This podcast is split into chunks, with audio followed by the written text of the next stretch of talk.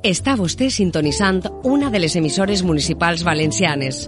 Ben trobat i gràcies per la fidelitat.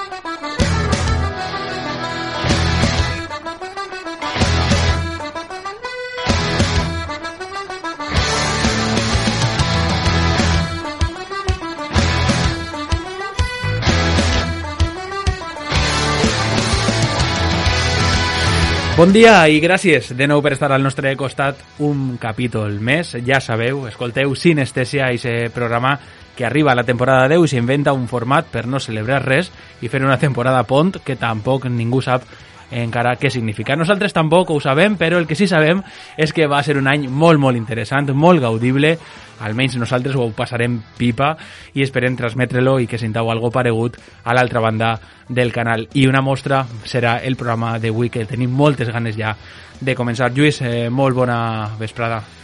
Hola Pablo, doncs la veritat és que sí, eh, diguem que este és el primer capítol d'esta temporada 9 i 3 quarts que, que ens hem inventat. Anem a tractar de fer entendre als oients en què consistirà. El primer de tot, presentar a Andrea Casino, que també s'estrena esta temporada. La setmana passada, van, o fa dues setmanes, van tindre a Manu. Eh, Andrea, benvinguda. Eh, muchísimas gracias por acompañarnos una temporada más. Bueno, muchas gracias por invitarme otra vez. Ya me perdí la semana pasada el de, el de Sitges, hace un par de semanas. Y, y bueno, tenía ya ganas de estar aquí de vuelta con vosotros. Van parlar de, en veu teua de, de les que t'havien agradat. Espero que, que no trobares ninguna a faltar i que, No, no, estava- i que estigueres ben, correcto. ben representada. Bien, bien. I Andrea està avui així perquè és la nostra experta en, en cinema documental i eh, és per una raó de, de molt de pes. La veritat és que estem super contents i super honrats de, de tindre així, a més in situ en, en Ràdio Godella, a Rafa Molés i Pepe Andreu, benvinguts, moltíssimes gràcies per fer-nos costat en el programa d'avui. A vosaltres, ostres, i damunt el, encetant este nou format, gràcies perquè siguem nosaltres. Estamos encantados de venir siempre Ah. que nos llaméis, vamos. A més, eh, que sou dos persones que, que tenim molt de vincle, tot i que siga per xarxes, que sempre estem intentant compartir-nos i retroalimentant-nos, i, i perquè ens encanta tot el que, el que heu fet, i, i així ho demostrarem durant el programa d'avui, perquè és veritat que és tot molt, molt, molt interessant. Així que, si, si vos pareix, eh, fem dos grans blocs en el programa d'avui. Començarem parlant de documental com a tal, d'aquest gènere o no gènere. No sabem si aquesta etiqueta, eh, ja ho hem parlat alguna vegada, si se li pot posar al, al, al terme de, de documental. Però, el primer de tot, anem a començar d'una manera. When I close the door, I start to paint. That's my universe. Paintings were stolen from a gallery in Norway today. The paintings were stolen in broad daylight. I comencem amb este so, i com dèiem, Rafa i Pepe seran els conillets d'indis d'este nou format, perquè començarem sempre amb una recomanació cinematogràfica dels nostres convidats. A mitjan programa, una segona, i a més acabarem, com sempre, amb una cançó final també de la collita dels nostres convidats. I això que sonava era eh, La pintora i el ladrón, un documental noruec del, que, del qual ja parlarem en la temporada passada d'ell, de Benjamin Ree. I per què esta recomanació, Rafa? Pepe, conteu-me. Bueno, yo creo que de los documentales que hemos visto últimamente en estos últimos dos años ha sido el que más nos sorprendió a los dos por separado, además no lo vimos juntos, era la época de la pandemia, que estábamos cada uno en su casa, y yo creo que lo vimos en el, no sé si fue en el Festival de Mallorca o en alguno del de autor, a través de Filming, y bueno, nos impactó muchísimo, ¿no? Una, como una historia que si te pones a escribirla no, no te sale, ¿no? Que totalmente increíble, bien llevada, unos personajes muy potentes y sobre todo, sobre todo muy, muy, muy bien contada, que es muy difícil cuando tienes ese material darle esa forma y que te llegue de esa manera también con mucha emoción. Bueno, nos sorprendió muchísimo. Sí, el documental té aquestes coses, no? Eh, te permet fer els guions que en la ficció mai faries perquè pareixerien massa ficció, no? I el documental té, té esta força, que és un poc, per, d'alguna manera, una de les grans coses que ens ha fet treballar en el documental, que eh, tot, la frase tòpica de la realitat supera la ficció, bueno, no, no la supera, el que passa que la ficció forma part de la realitat i en, i en, I en el documental el que pots fer és que aquesta realitat siga tan bèstia que tu mai t'atreveries a escriure-la, no? Però com mm -hmm. té aquesta força de la, real, de la veritat, del personatge, de, del moment, de, de, la, de, de lo inesperat, pots assumir tanta càrrega emocional, pots assumir situacions tan extremes que potser en la ficció no aconseguiríem, no? Hauríem de parlar d'un gènere de ficció que està ja eh, bordejant els límits o de la fantasia o de lo que siga, no? del gènere, no? del, del, del microgènere. El documental a voltes té eh, històries com aquestes, no? que te poses a escriure-les i dius, ostres, no, no puc, no puc escriure això, és tan bèstia. Sí, porque, bueno, a mí lo de los personajes es que fue una cosa que me pareció brutal, además encontrarse con la historia y lo que me sorprendió también mucho es que tuvieron como mucha suerte de encontrarse algo tan, tan potente, ¿no? Sí, la, la, suerte es fundamental en un documental, o sea, tú, tú puedes estar capacitado para contar una historia, para entregarte, pero tú no sabes cuándo empiezas una historia cómo va a acabar y en este caso con más razón, ¿no? Mm. A més, una, una història que, com deien, la sort és molt important perquè van a, a, succeint coses que la càmera està ahí de casualitat. Jo recorde l'escena on ell té eh, l'accident. Prèviament estem escoltant una conversa que està tenint el protagonista amb, amb, amb la xica per, per telèfon i, i li està anunciant quasi el que va passar. I aleshores eh, dona la sensació, i ara parlarem d'això, de que a vegades eh, n'hi ha un guió darrere en el que eh, se manipulen certes eh, emocions per a que tot eh, conduïsca i, i vaig a parar a, a un punt, no? Ho dic perquè, si no, seria un treball tan, tan, tan casual i a la vegada tan meravellós, quasi diví, no? En, en algun terme que se podria utilitzar també. No sé si vos ha passat alguna vegada que esteu intentant sí. contar algo que, que vos cau de repente. Bueno, quasi sempre, i quasi sempre és el millor. És veritat que, que és una sort que existís, però perquè la tentes molt. Vull dir, ha una, estàs sempre tentant la sort en el documental. Vull dir, hi ha una part d'intuïció en el que tu veus una història i, i quan comences una pel·lícula documental el que fas és que passar temps al voltant d'aquesta història estan damunt algo que en la vida quotidiana no tenim l'oportunitat o no ens donem l'oportunitat. Eh? Tots els dies passejant per Godella vos estareu creuant o mos estarem creuant o per València o on siga mm -hmm. en històries meravelloses. El que passa que mos passen, mos rossen o quasi ni ens toquem. No?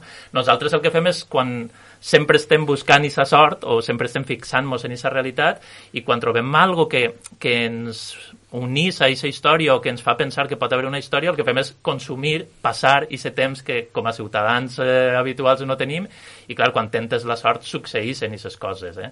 Però sí, la sort està, però hi ha que tentar-la. Doncs boníssim, l'exemple que, que heu elegit per a aquesta primera recomanació, nosaltres també secundem, si ens permeteu eh, fer-ho, eh, esta, esta recomanació que podeu trobar a Filmin, per cert, perquè és, és boníssima, La pintora i el ladrón. Anem amb el món documental.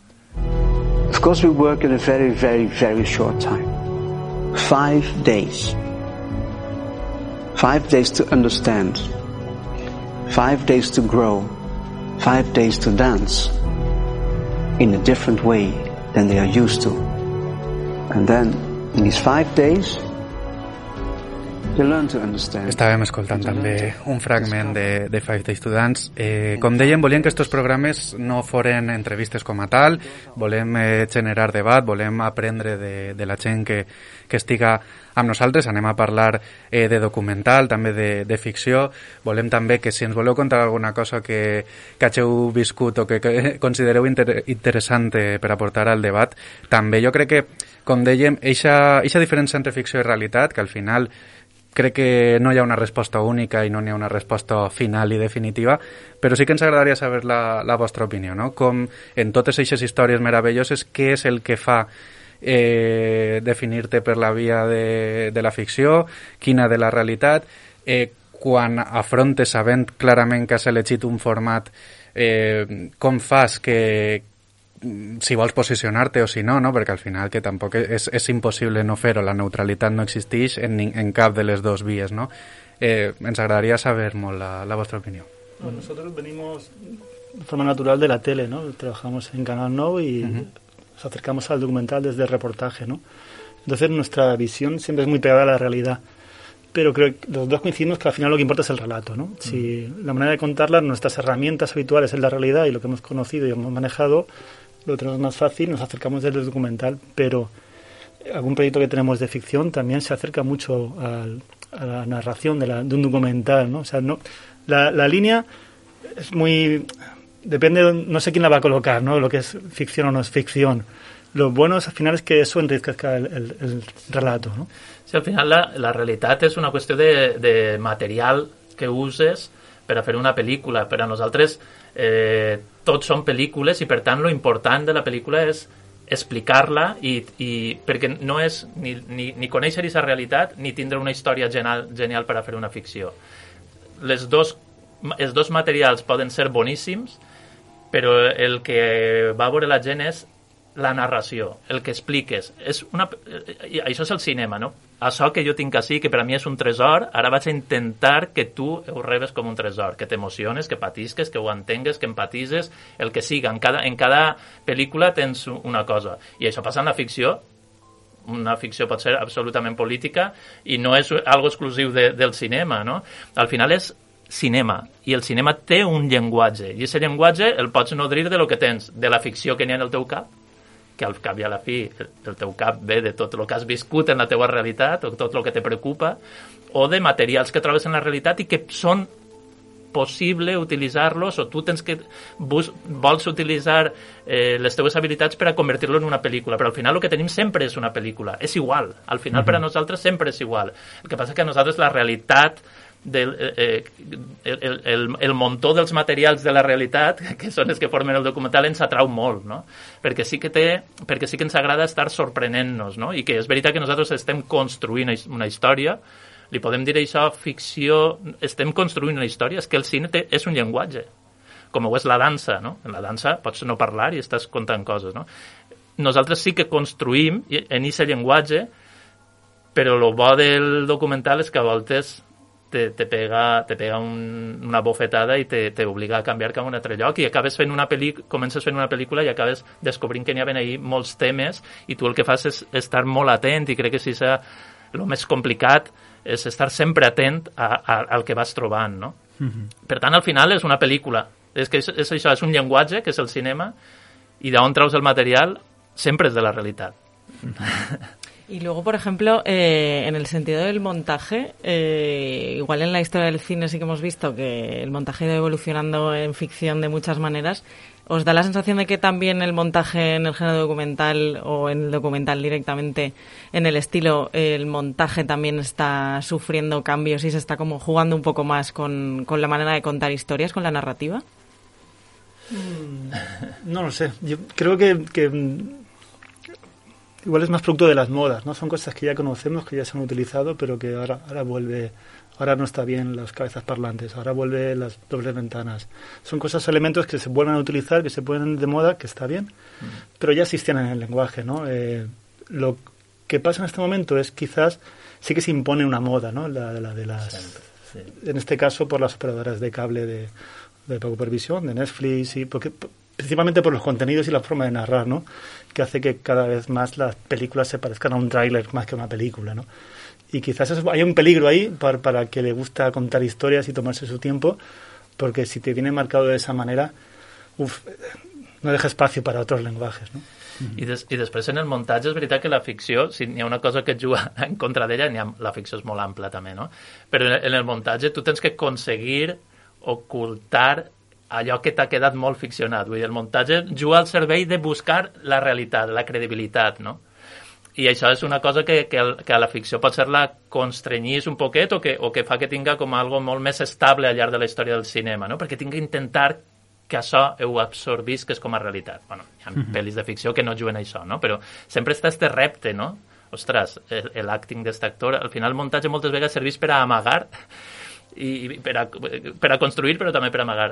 En el documental tens més llibertat perquè de, i el teu punt de partida és que buah, tot això ho, ho agarra de la realitat, entonces no tens la por d'això. I al contrari, a voltes jugues a, a, a, a donar sensació de, de ficció per a riure't, per exemple, en el documental. Entonces, aquesta llibertat que dona el muntatge en el, en el gènere documental sempre pot ser que faci que el muntatge tinga bueno, diferents eh, textures, no? I, I això, perquè el muntatge en la ficció a vegades juga per a que parega veritat. Bueno, y, y fundamentalmente porque en el documental es el guion. O sea, Sí, el, claro, el sé. montaje es el guion de la película, Sí, ¿no? Y es donde vas a jugar eh? con las piezas y vas a escribirlo de nuevo. Que una película ya tiene muy, muy marcado, sabes que al plano 1, después viene una secuencia 2, después la 3, después siempre puedes cambiarlo, ¿no? Pero en, en un documental no, hay un vacío, hay una escaleta y hay un trabajo de, de guion que se hace ya directamente en el timeline.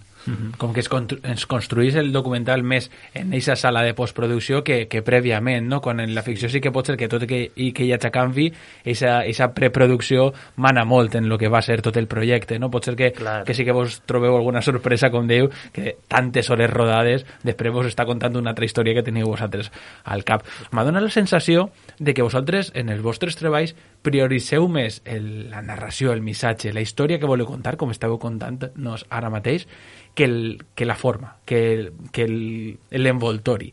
I sí que pot ser, no sé si com a moda o com a evolució de, del cinema, que sí que cada vegada trobem eh, en el món documental més eh, propostes, eh, no sé, narratives eh, experimentals o novedoses.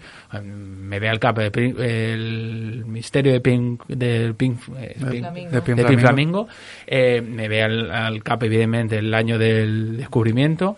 Eh, propostes que, que se dicen un poquet, eh, ja siga per muntatge, ja siga per, per narració, ja siga per partir pantalles o, per, o a, a l'hora de- d'enviar aquest missatge. Cregueu que eh, s'està anant ara per ahí? Vosaltres defenseu més el, el que hi hagi un, missatge important i, i l'envoltori siga més tradicional o més clàssic? Sí, a veure, no, per a nosaltres és una qüestió d'autoria. Nosaltres sí que entenem el cinema, siga el gènere que siga, com a art. Per tant, l'envoltori per a nosaltres és important i, de fet, recorde quan Pepe i jo ens reuníem les primeres vegades en bars per a dir, ostres, no mos deixarem la tele i passarem a fer això, que n'hi ha algo que eh, eh, parlàvem. Un, quin va ser un dels elements fonamentals per a nosaltres? La bellesa. I nosaltres sí que busquem la bellesa. És veritat que és una bellesa eh, que per a nosaltres està més lligada a una, a una foto. En les nostres pel·lícules mai se maneja la càmera, ni paneja, ni fa...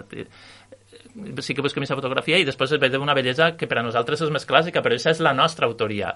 El, el nostre amic Guillermo Polo, que, autor de Pink Flamingo, és que ell fa publicitat. La seva aut... I és el seu llenguatge. Ell, ell ve de la publicitat, per tant, la seva part d'autoria, o sigui, els materials en els que juga, venen d'un llenguatge publicitari, per tant, tot té este punt de clip, de, de empaquetat, f- més fictici, però, però al mateix temps està jugant en, en un tema o en una història que ve de la realitat.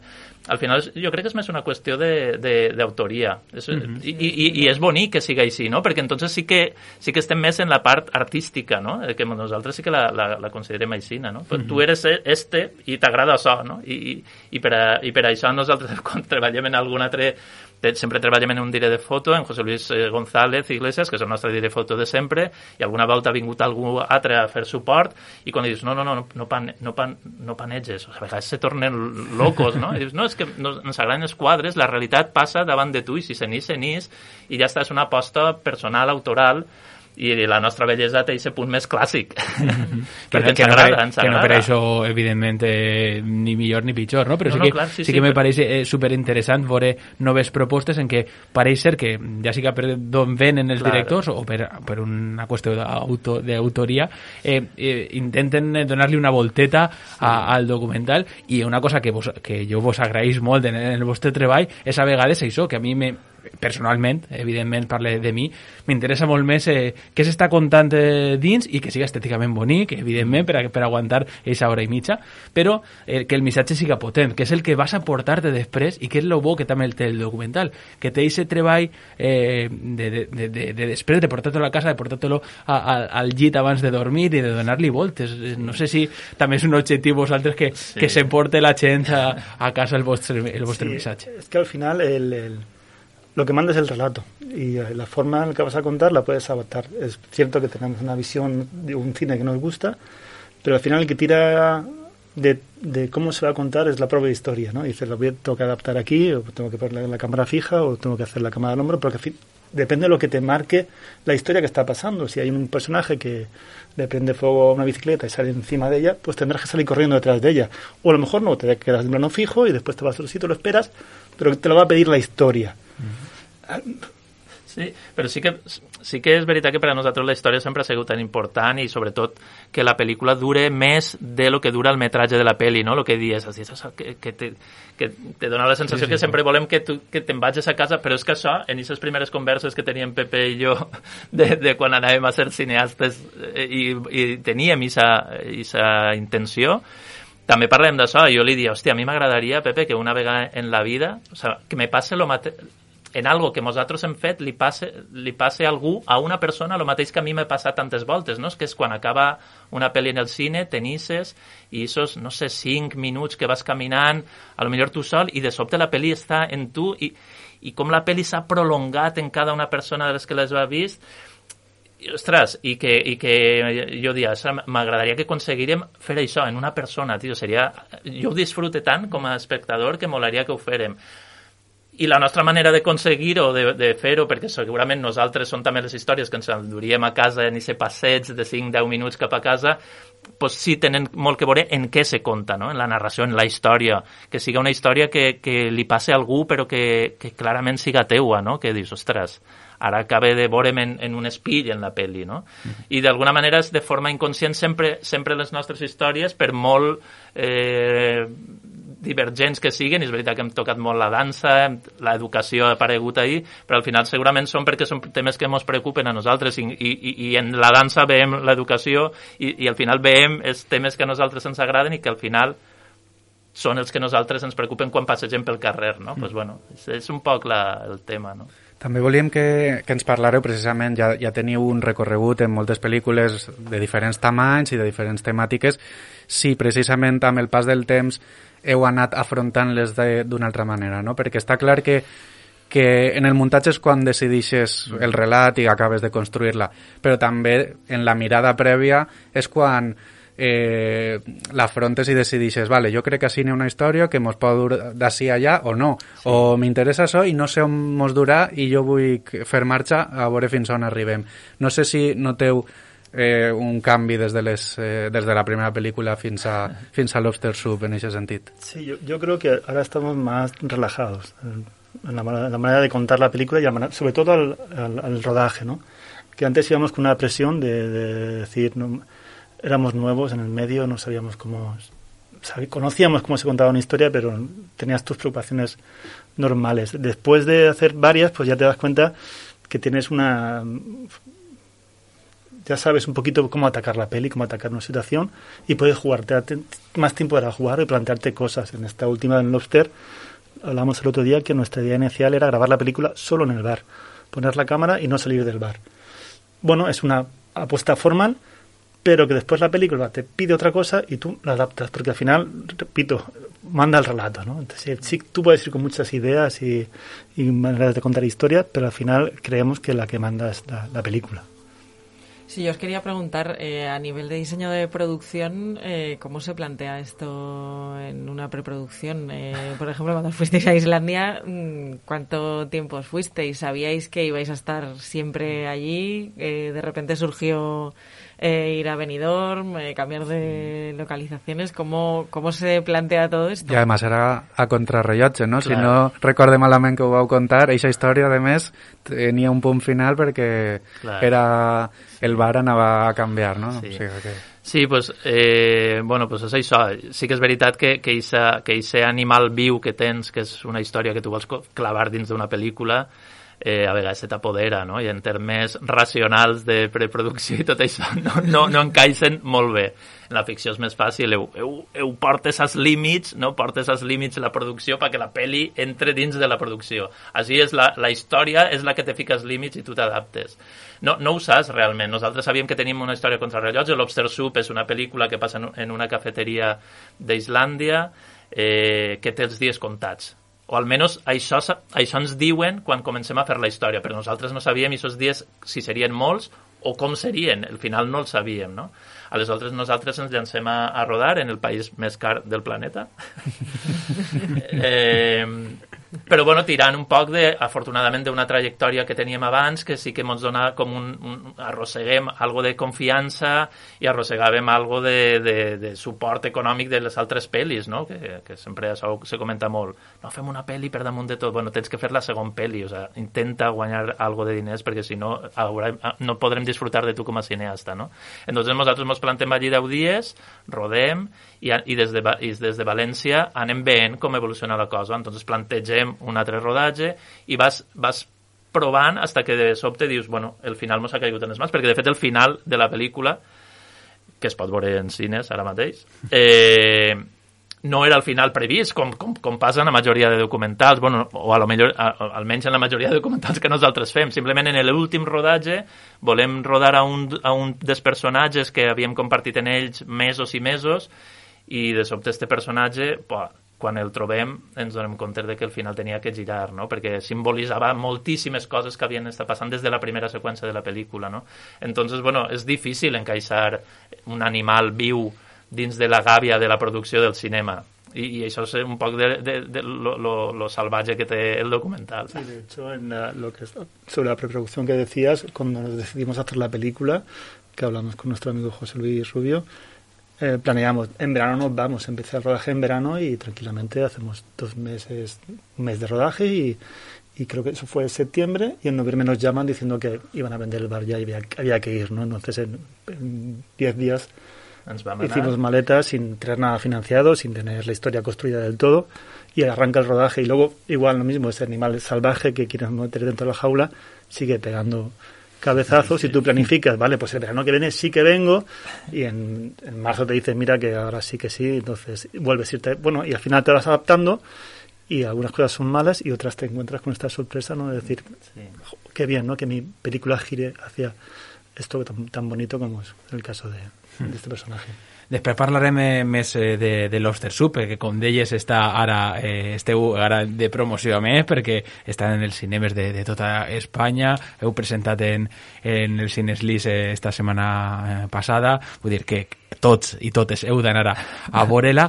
Si vos pareix, acabem amb, amb un sí. poquet de, de parlar de, del documental com a, com a construcció i després m'on anem a la vostra obra, perquè jo sí que tinc una, una última pregunta abans de també fer un respir amb aquesta recomanació segona que teniu per a nosaltres, que és el, el, el concepte o el, la càrrega política que solen, eh, se sol atribuir o que té directament el gènere documental, el món del documental, perquè eh, a més, eh, sempre se conten històries que no anem a posar-nos partidistes, ni de dretes ni esquerres, però sí que té un contingut d'esquerres de, crític, eh, polític, social, en què tot i que el documental començara amb Riels... El, el, amb l'N. Riefenstahl, amb aquella...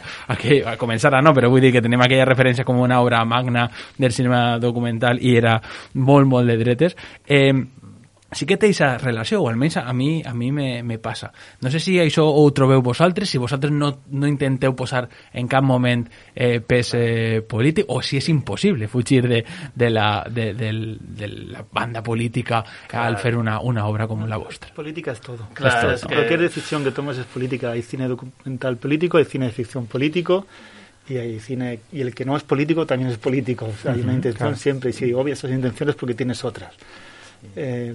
Clar, és que és que des del punt de vista que la política és tractar d'establir, fer, fer funcionar, ordenar eh, eh, la societat en la que vius, eh, eh, eh la ètica en la que vius des d'un de, des de ordre o des d'una proposta ideològica, ostres, clar, és que tot és polític. I el documental sí que pot ser i ser lligam que, que té en alguns moments el documental en el periodisme, que també l'ha tingut, uh -huh. pot ser que faja com més evident i capa de la política, no? Però, clar que és que si no fora polític, que, que, que veuríem ahir, no? Si, o pensem en, pensem en, en, en un quadre no? del, del barroc, i ses Mare de Déus eh, tan, eh, que ens acullen en els seus braços és una obra d'art política, no? En la mm-hmm. Iglesia que està lluitant contra, contra el naixement del protestantisme i està dient, no, no, no, nosaltres vos acollim en els nostres braços.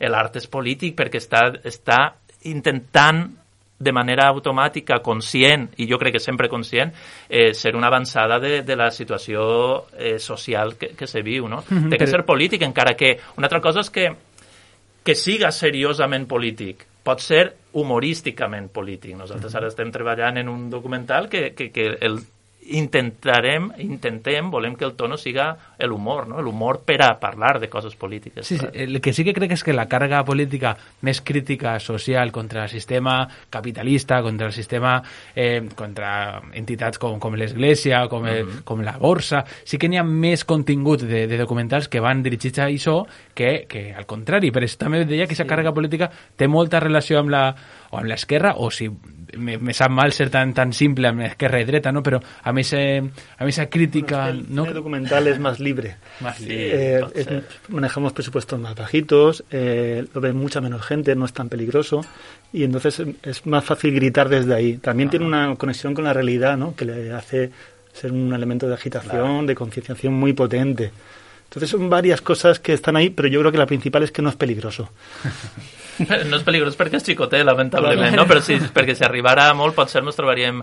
Però, de veritat, jo crec que, que el documental també va en les societats en les que viu. Tu has nomenat a una, a una directora uh -huh. que va treballar per a, per a, per a el, el, el règim de, de Hitler, no? Vull dir que els temps també fan que la política estiga com està la política. Al final el Eso cinema és una realitat. Uh -huh. Jo crec que ara mateix, de fet ara mateix, n'hi ha en el cinema espanyol una, un pel·li, una pel·lícula documental que està funcionant molt bé, i que possiblement eh, estiga funcionant també perquè, perquè està, està donant suport a, a unes idees sobre el colonialisme eh, espanyol en, en Amèrica Latina que precisament no defensa l'esquerra, no? Vull dir que però també és polític, clar. I per tant, bueno, ahí està el cine documental per a, per a reflexar la realitat de la societat i una societat molt gran en el que està fent eh, n'hi ha una idea que no és l'esquerra que la defensa, sinó la dreta, eh, pues, també té una pel·lícula documental i bueno, pues, això és la llibertat de veritat de l'art, no? Mm, molt, molt... Gràcies per l'exemple també, perquè per contrarrestar el, el meu argument, perquè veritat... I que, a més està funcionant molt bé en taquilla, per tant vol dir que n'hi ha molta gent que, que, que suporta aquesta política. També els, que els certs partits polítics s'han involucrat molt en ella. Sí que és de veres que dona la sensació que és una rara vis eh, dins de... perquè no sí. solen tindre tanta, tanta predilecció per, per este món, però sí que, sí que crec que eh, al final el documental sempre en general busca una crítica i, i la progressia i el voler avançar pot ser siga més inherent a, a l'esquerra, però és de veres que al final eh, tota, tota pel·lícula eh, supercomercial, Los Vengadores o Independence Day és política pura i, i te la claves d'una manera que, que, que en cap debat familiar apareixerà la paraula política. Tu creus que estàs parlant d'aliens i tal, i al final estàs parlant de colonialisme o de bueno, i, i, o de... I, del quizá en el documental és més evidente, no? Sí, sí, perquè, sí pot ser perquè, com ha dit Pepe, com partisses de la realitat, pues, eh, estàs ja agarrant aquestes pedres que utilitzes per a fer, construir la pel·lícula ja estan ahí, no? Però, bueno, i tu estaves dient ara molt bé, el, el gran tema, o el gran desaparegut del cinema, que és la dona, pues, clar, totes les pel·lis són polítiques en aquest sentit. Ubicar a la dona en un lloc o invisible o concret, no? Imagina totes les pel·lícules innocents comercials, mira si són polítiques, no?, que t'han marcat una manera de ser a nosaltres, els homes, i a les dones, no? Els han marcat una manera de ser que, mira si és política, que és la realitat de la nostra societat, no? Mira per on passeja. El lloc on viu. Entra a sa casa. Escolta la seva història, els seus pesars. Observa el seu rostre de prop i prova de fer-ho.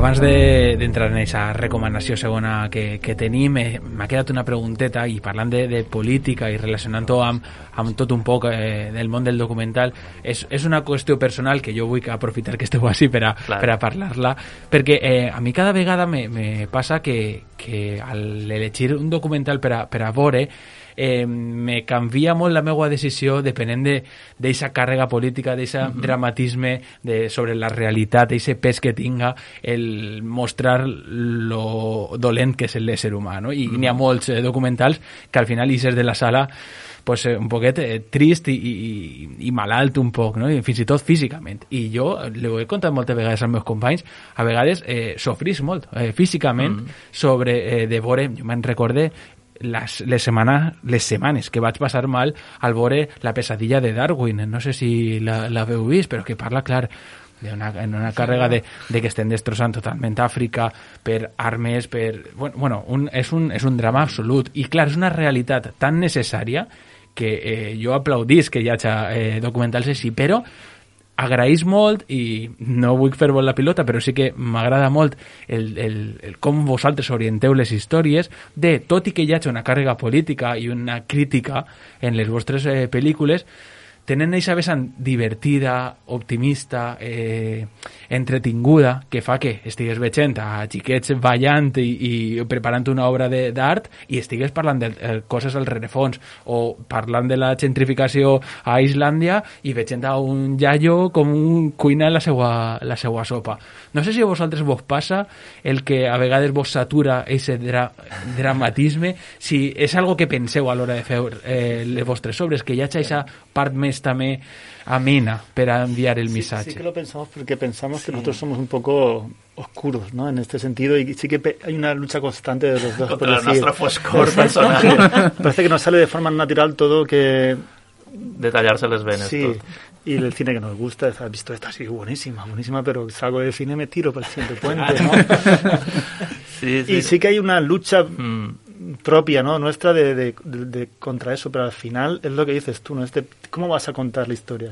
Tú puedes gritar eh, que no hay que comer pescado o puedes enseñarlo de otra manera, ¿no? Y, y, y quizás ahí sí que coincidimos que lo, lo, hacemos de una manera que nos gustaría que nos la contase a nosotros. ¿no? I, I després que si, si estàvem just ara parlant de que, és, de que és política i que la política sona greu, eh, perquè hem fet que soni greu, eh, la vida també és humana, no? les persones. Entonces sí que aquest altre pes també està molt, molt, és molt important en les nostres pel·lícules, mos seduís la humanitat, no? I la, i la humanitat, quan la, quan, la, quan la destiles i la dices nua, sempre és tendra, perquè, perquè, per, perquè quan ens quedem en lo, en lo bàsic, en lo important, sempre trobarem l'empatia, no? Estàvem just escoltant un off a, a, abans de que introduïs això d'una nostra, una pel·lícula nostra que, que es diu Experimenta Estuca i en ese off, que és l'única pel·lícula en la que hem ficat una veu que és la nostra veu directament, mm -hmm. no, no la fiquem nosaltres perquè la nostra veu no mola tant com la d'Àngel Fígols, però eh, que nosaltres sí que partim d'esta idea, no? Ostres, és una pel·lícula que va sobre, eh, sobre com eh, l'Espanya de la Guerra Civil va ser de territori eh, entre altres coses, eh? no, parlava, no era el tema principal, però com va ser territori per a l'experimentació d'armament nazi. No? I nosaltres, realment, la nostra pel·lícula comença en... Ostres, clar, quan tu mires el mapa d'un lloc i o el mires de molt lluny i veus puntets, és difícil aplastar-los en el dit, no? com aplastaries una formiga. Però si t'arrimes i veus a aquesta persona cara a cara, ostres, mata-la, no? que és el que, lo que diu Esteo. En el moment que t'ajudes a, que t'aproximes a, a l'ésser humà, fins i tot el tema més dur té aquesta part més suau perquè nosaltres som suaus, som fràgils, som personetes, som divertits i, i clar que tenim la nostra part fosca, no? però tots som, quan t'aproximes al màxim a la humanitat, a, a, a lo important, encara que estigués dins d'un tema polític, podem entendre-nos. I, bueno, I això és el primer pas a l'empatia, no? Que, no, que no fem, mm. aproximar-te molt, i per això els nostres personatges sempre són personatges xicotets, no? Mm. Eh, encara que conten una història gran o loca o, o més dramàtica, no? Però intentem sempre aproximar-nos a la persona perquè ahí trobem el sentit per a la denuncia política. ¿no? Sí, es que, bueno, decir que sois unos oscuros, pero yo viendo vuestras películas no lo diría para nada. Y de hecho creo, hablando un poco del estilo vuestro, eh, yo creo que gran parte de lo que os define a vosotros como cineastas es eso, buscar un, pequeñas historias para hablar de grandes temas y yo creo que esa sensibilidad se nota se nota siempre. En, por ejemplo, en Five Days to Dance, mm. eh, vamos, ya ahí vi un drama impresionante, sí, sí, sí. pero está contado precisamente creo que el drama radica en la sensibilidad con la que se está contando esto, porque no, no te intentas llevar, no intentáis llevar al espectador ahí al drama más puro y meterse ahí la miseria más absoluta, sino que simplemente la propia historia, como es tan dura, habla por, por sí sola. Yo creo que eso también, pues eso en general en vuestra obra define bastante cómo contáis las historias, ¿no? Sí, sería intención de, de Sí que està hacerlo así. que gràcies per dir-ho, perquè sí que lluitem en, en, a favor d'això, ¿no? Pero es verdad que cuando acaba la película ese silencio, que es muy bonito, ¿eh? Que no... Y que notas esa emoción en la gente. Sí. Tal vez nos gustaría hacer más, que acabaran la gente un poquito más arriba, ¿no? De ánimo, y los aplausos ahí al final de estos grandes i, i no nos sale. No, Però la veritat és que no dona aquesta sensació de, de foscor i m'agrada perquè, perquè heu dit moltes coses que són pràcticament idèntiques a, a les que diu David Segarra, que és un grandíssim Clar. humanista i que també sempre ho mira en positiu, i ell que ha viscut en Gaza i que ha vist aquest horror de primera mà, ell és el primer que diu, bueno, és que eh, Gaza, si ix és perquè han bombardejat xiquets, és, mm. és horrible. I, i òbviament, eh, n'hi ha que denunciar-ho tots els dies, però és que també és un lloc de vida. I no sé si vosaltres també teniu eixa pretensió a l'hora d'abordar les històries eh, de proposar no solucions, perquè això crec que no està a l'abast mm. vostre, però sí de quin hauria de ser el camí. No sé si vos proposeu dins d'eixa lluita contra la foscor el, el que les pel·lis acaben plantejant possibles eh, camins en positiu, eh, en plan eh, constructiu. Sí, no, no, ens, no, ens ha, no, no tenim la intenció de proposar una solució perquè les solucions són difícils, no? I una pel·lícula igual no és el millor moment... El, el, el, no, no, no sé si, si, si permet ser tan, tan detallista com a dir aquí sí teniu una solució, no? Però sí que, sí que, sí que està aquesta idea de, de, de l'empatia, no? De, de, de plantejar algo, algo que brille en el moment en el que dins de la, de la pitjor situació podem trobar una persona i, i quan ens acostem a ella ja li estem donant una oportunitat. No? Això sí que, sí que n'hi ha una intenció. Sí que busquem aquests personatges, o, o no sé si els busquem o que són els que ens atrauen, no? que ten, mos ofereixen algo que mos al, nosaltres pot ser hem pensat però no hem fet. No? I torne a, una, a, a, a la pel·li que, que, que heu ficat, eh, experimentes tu, que no, nosaltres el que ens atrau d'esta pel·lícula al principi és que front a tot el silenci que n'hi ha al voltant de, de, de la guerra civil en les famílies, trobem una persona que es comença a fer-se preguntes i, i no només això, sinó diu i ara vaig a intentar buscar les respostes. I ser xicotet pas individual arriba on arriba, perquè nosaltres ahir no, no, no, no entrem, on arriba, on arriben, ens pareixia un, un, sí que ens pareixia un exemple. I que busquem aquests xicotets exemples de les accions individuals que són les que canvien el món. Perquè bueno, canviar el món o oferir una solució ostres, mos veiem molt, molt xicotets per a fer-ho. I, i en general, com a, com a éssers humans ens veiem xicotets, no?, de canviar el món. Però de sobte dius, bueno puc estar dient sempre que és difícil canviar el món però en el meu àmbit en el meu microàmbit, jo què puc fer? Pues, el protagonista d'aquest documental va veure algo que realment es crec que és el que ens va fer apostar per aquest tema, no? que, que a lo millor temàticament no era algo que ens atraïa molt, però aquest acte humà mos pareixia molt interessant, o, o en Sara Varas, que és el segon documental que van fer, no? que era una gran artista, i al final nosaltres el que estem sempre proposant-li és Sara, o nos, eh, eh, que, tot això que fem tota aquesta bellesa, tot això, per a què servís? Per a què serviria? I un poc una de les conclusions de la pel·li és esta, no? Eh, en, en lo que tu pugues fer, fes-ho al màxim possible i per de més. I Sara diu això, no? Jo si fora camarera intentaria ser la millor camarera, tratar bé el que tinc davant. I si balla, pues intente donar el màxim. I nosaltres sí que tenim aquesta posició de nosaltres què fem, o què ens agrada, o què se'ns dona més o menys bé, o què ens agradaria que se'ns donara bé. El cine, pues aportem una pel·lícula a això. És un poc el nostre... Per, perquè és el que fem, eh, és el que ens agrada fer. Entonces sí que els personatges que tinguen aquest punt exemplar sí que, sí que està buscat o, o sí que ens atrauen i, i, i per tant, aquesta exemplaritat individual, d'accions individuals sí que poden ser una oferta de solucions. O picades contra el vidre, contra el vidre també és un exemple de canvi paradigmàtic claro. de model d'educació a xicoteta escala que no va implantar-se ni tan se valen tot al coi, però sí, sí. sí que obri una porta a que, a que altres puguen seguir ese camí. Si nosotros enseñamos ese problema, algo que nos inquieta a nosotros, que pues nos acercamos a ese tema, y no, pero no damos una solución. Eh, podemos evocarla, pero al final es el dos personajes sí, los que encuentran ese camino ¿no? Sí, y los que los sí. comparten con el público. Dicen, mira, yo lo he hecho así. ¿no? Sí, sempre hi ha un personatge que està oferint-te algo, no? I, i tu pots seguir-li l'exemple o almenys donar-te compte de que aquest personatge, que per molt xicotet que parega, dos ballarins en, en Five Days to Dance, un, un, un xicotet, un grup de mestres en el claustre d'un institut gegant, una ballarina que ho té tot però que sempre li preocupa una altra cosa, i ser senyor de Benassal que vol fer-se les preguntes i respondre-les, no només fer-se-les, respondre-les, i aquests personatges sempre estan en les nostres pel·lis, no? Mm -hmm. Ells estan canviant el món. Mm. Sí, pues eh, bueno, yo hablando un poco de los personajes, lo que quería saber un poco era, eh, ¿viene antes el tema o el personaje? ¿Cómo se os han, cómo os han llegado las cosas? Ostres, pues crec que va molt... va prou unit, eh?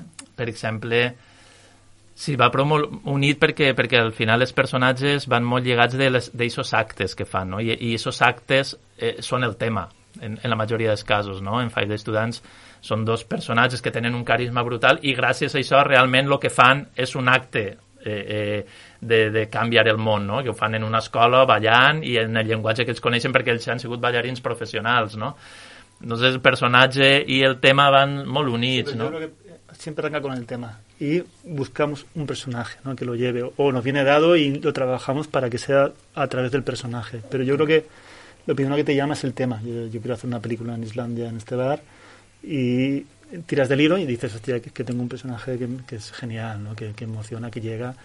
Y con, en el excepto el de Sara, que viene un Que impuesto, porque encàrrec, és un está carro, Sara claro que es la encàrrec que protagonista. mos han fet, sí. Pero el resto, eh, con Five Days también existía una intención de contar una película con un tema y nos sorprenden que hay dos señores que son mejores que, que nada, ¿no? Mm.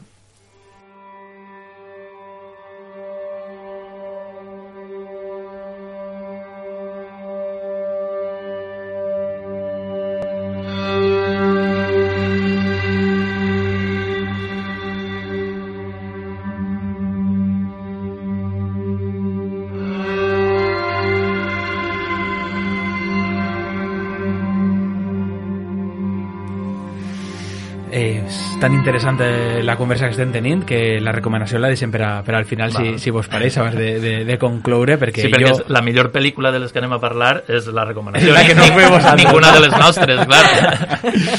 A mi m'agradaria saber, eh, vosaltres com a cineastes, com a, com a directors de cinema, eh, com porteu tot allò que envolta el cinema, eh, és a dir, la crítica, és a dir, eh, els, ro els rodatges que no funcionen, eh, és a dir, trobar pressupost que vos quedeu més curts del que vosaltres teniu en ment, és a dir, tot allò, aquestes sensacions més personals que professionals que, que de segur teniu eh, i heu tingut en tots els projectes, com ho heu portat i si, i si vos fan créixer o, o també teniu aquesta part, com dèiem, oscura o trista o tal, de, de dir, mira, això no vull repetir-ho, que això no vull que me passi en el pròxim projecte perquè m'ha afectat personalment. Bueno, yo, yo Eso creo sí. que en todos los No, sitios no vull hay- que entrar molt personal, No, no, sí, eh, però sí, me no, pareix que home, una part, guai que- me pareix que és una part també que no coneixem mai de, de la Clar, gent que és se dedica a això. Nosotros nos Luego quejamos- acabamos con algo un poco No, ya personetes, está. cada vez que has tocat un tema, si volíeu alçar el programa, nosotros som uns bajoneros. Sí, no- nos quejamos muchísimo. Sí. Y de hecho Son siempre ansiedad. acaba la última película y dice, la próxima la vamos a disfrutar más. Pero que sí que nos falta un poco, eh, sobre todo en el rodaje y, y después cuando ya está acabada, ¿no? Tener esta, esta alegría, ¿no? Que estoy haciendo esto porque lo, tengo que disfrutarlo, lo disfruto, necesito contarlo, pero también necesito que, que- que me haga feliz y que haga feliz a los que me rodean porque yo estoy feliz, no, no, no por el tema de la película, sino porque joder, que, que somos personas que necesitan relacionarse y, y disfrutar con lo que hacen. Sí, ten, ten, sí, jo crec que jo personalment i, i, i Pepe, cada un fem d'una forma, però és veritat que, que tenim aquesta ansietat sempre. Jo, jo personalment tinc com una ansietat que, que a voltes no et deixa disfrutar, no? Sempre estàs buscant poder-ho contar bé, sempre te preocupa, perquè al final nosaltres som molt conscients eh, nosaltres no fem l'art per a nosaltres, el fem per a, perquè el llenguatge que, hem- que hem triat és per als altres. Tu estàs contant una història, entonces mos preocupa molt l'altre, no? I això te genera sempre una ansietat molt gran, no? De poder, poder tamisar en els meus recursos, en la meu cor, en la meva ment i en els recursos que tinc narratius, esta història que vull portar i, i, i arribarà, s'entendrà així, i això ens genera ansietat, i, i, i és veritat, sofrim, però també, també ho disfrutem perquè som conscients de que el que fem és el que ens agrada i després jo crec que sí que ens pa- passa una, una cosa per, per la repercussió, no? la, la crítica tampoc, a veure, també jo que sé, al final el cinema documental tampoc estem tan exposats en aquest sentit, és...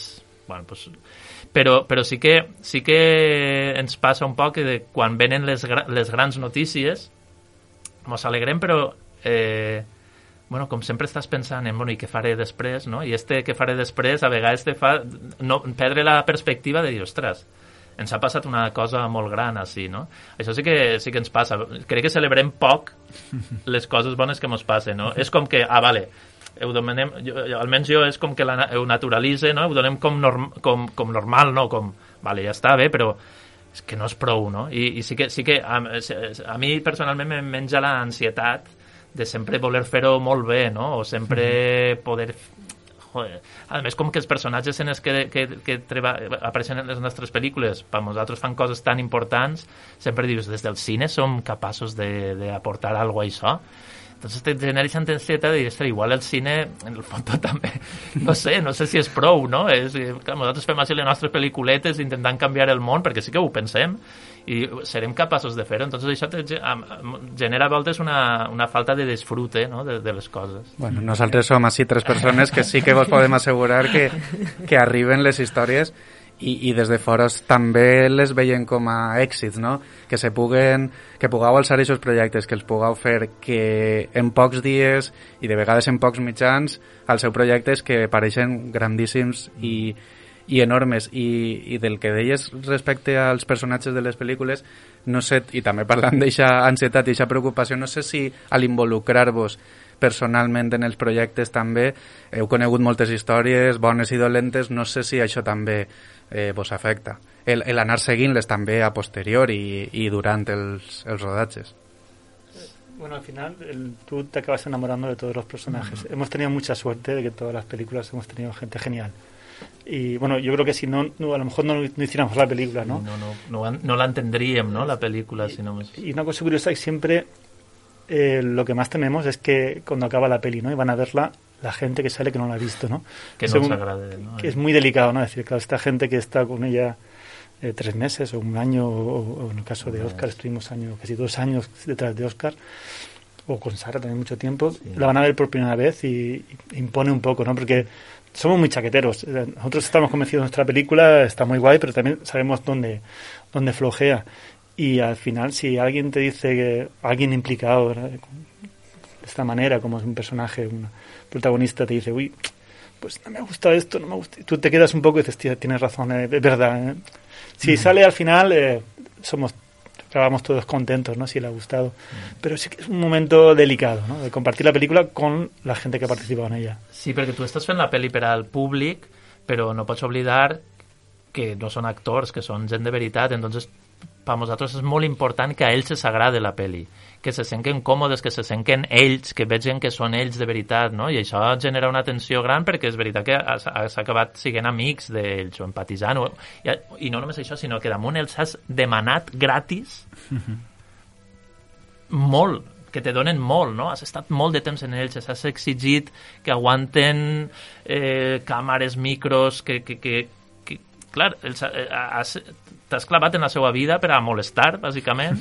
Entonces tens una responsabilitat en ells i és veritat que generes una, una amistat i de fet, pues, mira, convidem a, a les noves pel·lis sempre que estem convidant a personatges de pel·lis anteriors, no? N'hi ha, ha com un arrossegament, tu no te, no te pots desfer d'això, tu en un actor pots treballar i, i ostres, i quan s'acaba la pel·li sou superamics o, o no, no ho sé, i ja està, no? I, però en el documental, clar, és que tu els has demanat molt. Ells t'han donat tant que, que, que és molt difícil dir pues, hasta si hem arribat, no? Adeu, ja està, vaig a fer una altra pel·lícula, és, impo és és impossible. No? Fer un crossover dels vostres documentals haguera sigut bestial, eh? Els xiques de Five Days, Five Days to Dance ballant amb Sara Baras en Islàndia, haguera sigut meravellós.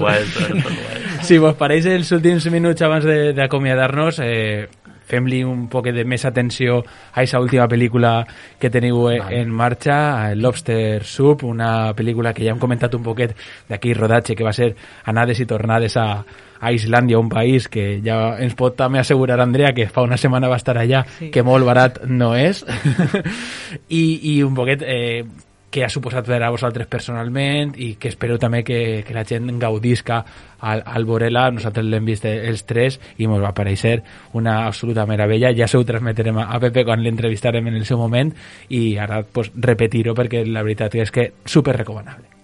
O sigui, per a nosaltres l'Obser Sub pot ser és la pel·lícula que connecta més en el, en el principi, no sé. Crec que, crec que junt en Five Days pot ser és la, la, la més personal, en el sentit que ja havia comentat Pepe, no? que volem com alliberar-nos o donar-nos aquest espai, aquesta tranquil·litat eh, per, a, per a fer la peli eh, en un ritme que pot ser és més nostre, etc etc. No? També perquè, no, no, no perquè, perquè n'hi hagi que ningú que mos duga a un altre lloc, però ves, com que les històries a vegades te duen a un altre lloc, pues experimentes tu que t'exigia unes coses, no?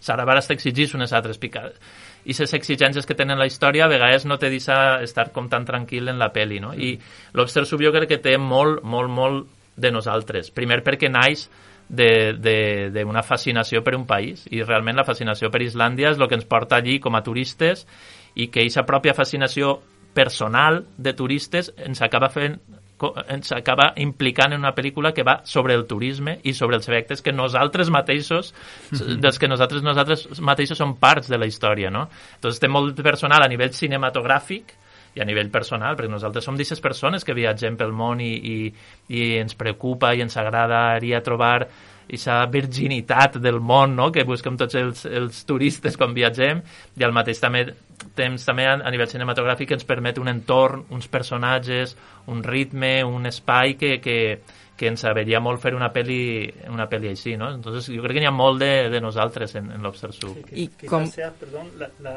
la que más la que más eh, deseamos ver como espectador. O sea, Sí, dentro de nosotros es la película que como espectadores nos gustaría ver, ¿no? Y creo que hay más de nosotros en esta peli por esto, ¿no? Es decir, nos gusta este cine y esta es la película que me gustaría ver a mí. Qué bien. Nada, yo quería preguntaros, porque creo que lo contasteis en el pase aquel que vimos del Lobster Soup, eh, ¿cómo acabasteis en esa cafetería? Bueno, como turistas.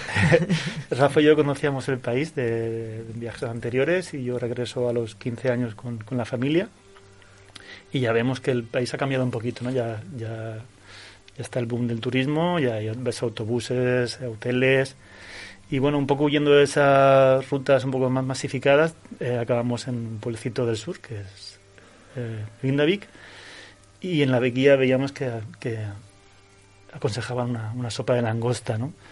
Y bueno, al entrar allí con la familia, yo sentí que era como entrar a una capilla, ¿no? Yo, una cueva pequeñita donde pequeño poblado de pescadores muy feo y en ese sitio se respiraba algo, ¿no? Algo extraño que te animaba a contar. Digo, aquí hay una historia. Y bueno, eh, regreso a España, hablo con, con Rafa y Rafa cambia sus vacaciones y ese verano va allí y ahí empieza la historia, empieza a tirar del hilo y, y conoce todos estos personajes que van a aparecer en la peli y le cuenta a Ali, el jefe del bar, que la intención de hacer una peli. Dice, sí, Ali, encantado, me encanta que, que habléis de mí, de mi bar, pero os tenéis que dar prisa porque el bar va a desaparecer. Clar, i aleshores de sobte ens donem compte de que nosaltres, els turistes, érem precisament un dels autors de, de, de l'èxit i al mateix temps de la, de la possible, eh, perquè en aquest moment no estava clar al 100%, de la possible desaparició de, del lloc, no? I ens donem compte que nosaltres que creíem que havíem trobat un bar superautèntic, clar, com nosaltres n'hi havien milers i milers que l'havien trobat abans i que precisament d'això havia fet que per a alguns inversors fora molt interessant i bar, no? I així, I així és com, com arribem a, a esta història. Molt recomanable i jo crec que ens queda, eh, abans d'acomiadar este programa, que, que digueu on es podrà veure, hi, ha, Mhm. hi haurà moltíssimes sales a, a tota Espanya on es podrà veure i un poquet eh, la notícia també és que està en aquesta llista Mhm. de precandidates a, a estar nominada als Goya. No sé també com sentireu aquesta notícia d'una setmaneta. Sí, no, no, és, bueno, so, sobretot molt contents perquè, perquè és veritat que som conscients de que una pel·li feta per uns valencians que no deixem de ser la perifèria de la perifèria del cinema eh, en islandès, en Islàndia, pues igual no, fa, no té un encaix fàcil en, el, en els Premis Goya o en el que habitualment han premiat els Goya, no? Sí que és cert que la modalitat nova de, que ha adoptat els Goya de, de, de triar aquestes 15 pel·lícules i en uns criteris molt més cinematogràfics de projecció internacional ha fet que, que n'hi hagi que ens, altres 14 pel·lícules meravelloses i que bueno, ens, sent, i ens, sentiríem, ens sentim molt més a gust no? inclús de dir, joder, que nosaltres estiguem entre aquestes 15 pel·lícules te fa sentir com molt bé, això per una banda i després també que això mos cau en el moment en què estem en els cinemes és que estem en Barcelona estem en la setmana que ve en, en eh, no? el dia 9 Madrid. estem en Madrid, en Corunya, en, Corunya, en les Palma. Balears en total són 70 ciutats sales de 70 ciutats, que per a un documental també és una, Que és una passada i està molt, molt guai, no? I, bueno, no sé, potser això d'Esgolla fa que obri alguna sala més, però, bueno, és que 70 ja és una, una autèntica bogeria, no?, per a un, per a un documental. que bé, doncs nosaltres eh, contentíssims de, de que així siga i de que tinga molt de recorregut i a veure si eh, quan s'anuncien aquests nominats finals a, a aquests Goya, que a més són tan de casa, no? Aquests Goya que, Oh, que clar, se que es fan celebraran a per així a, València, a. València, doncs encara seria molt més gratificant per a, per a tots. Ens anem a acomiadar abans de la cançó final. La gent està esperant quina és la, eixa pel·lícula que diu, la, que diu vosaltres que és la millor bona, de, és la bona. de la Ara anem a història. la bona. Que a més, bueno, anem a, a la ficció, no ens quedem en el documental. A veure per què recomaneu esta pel·lícula.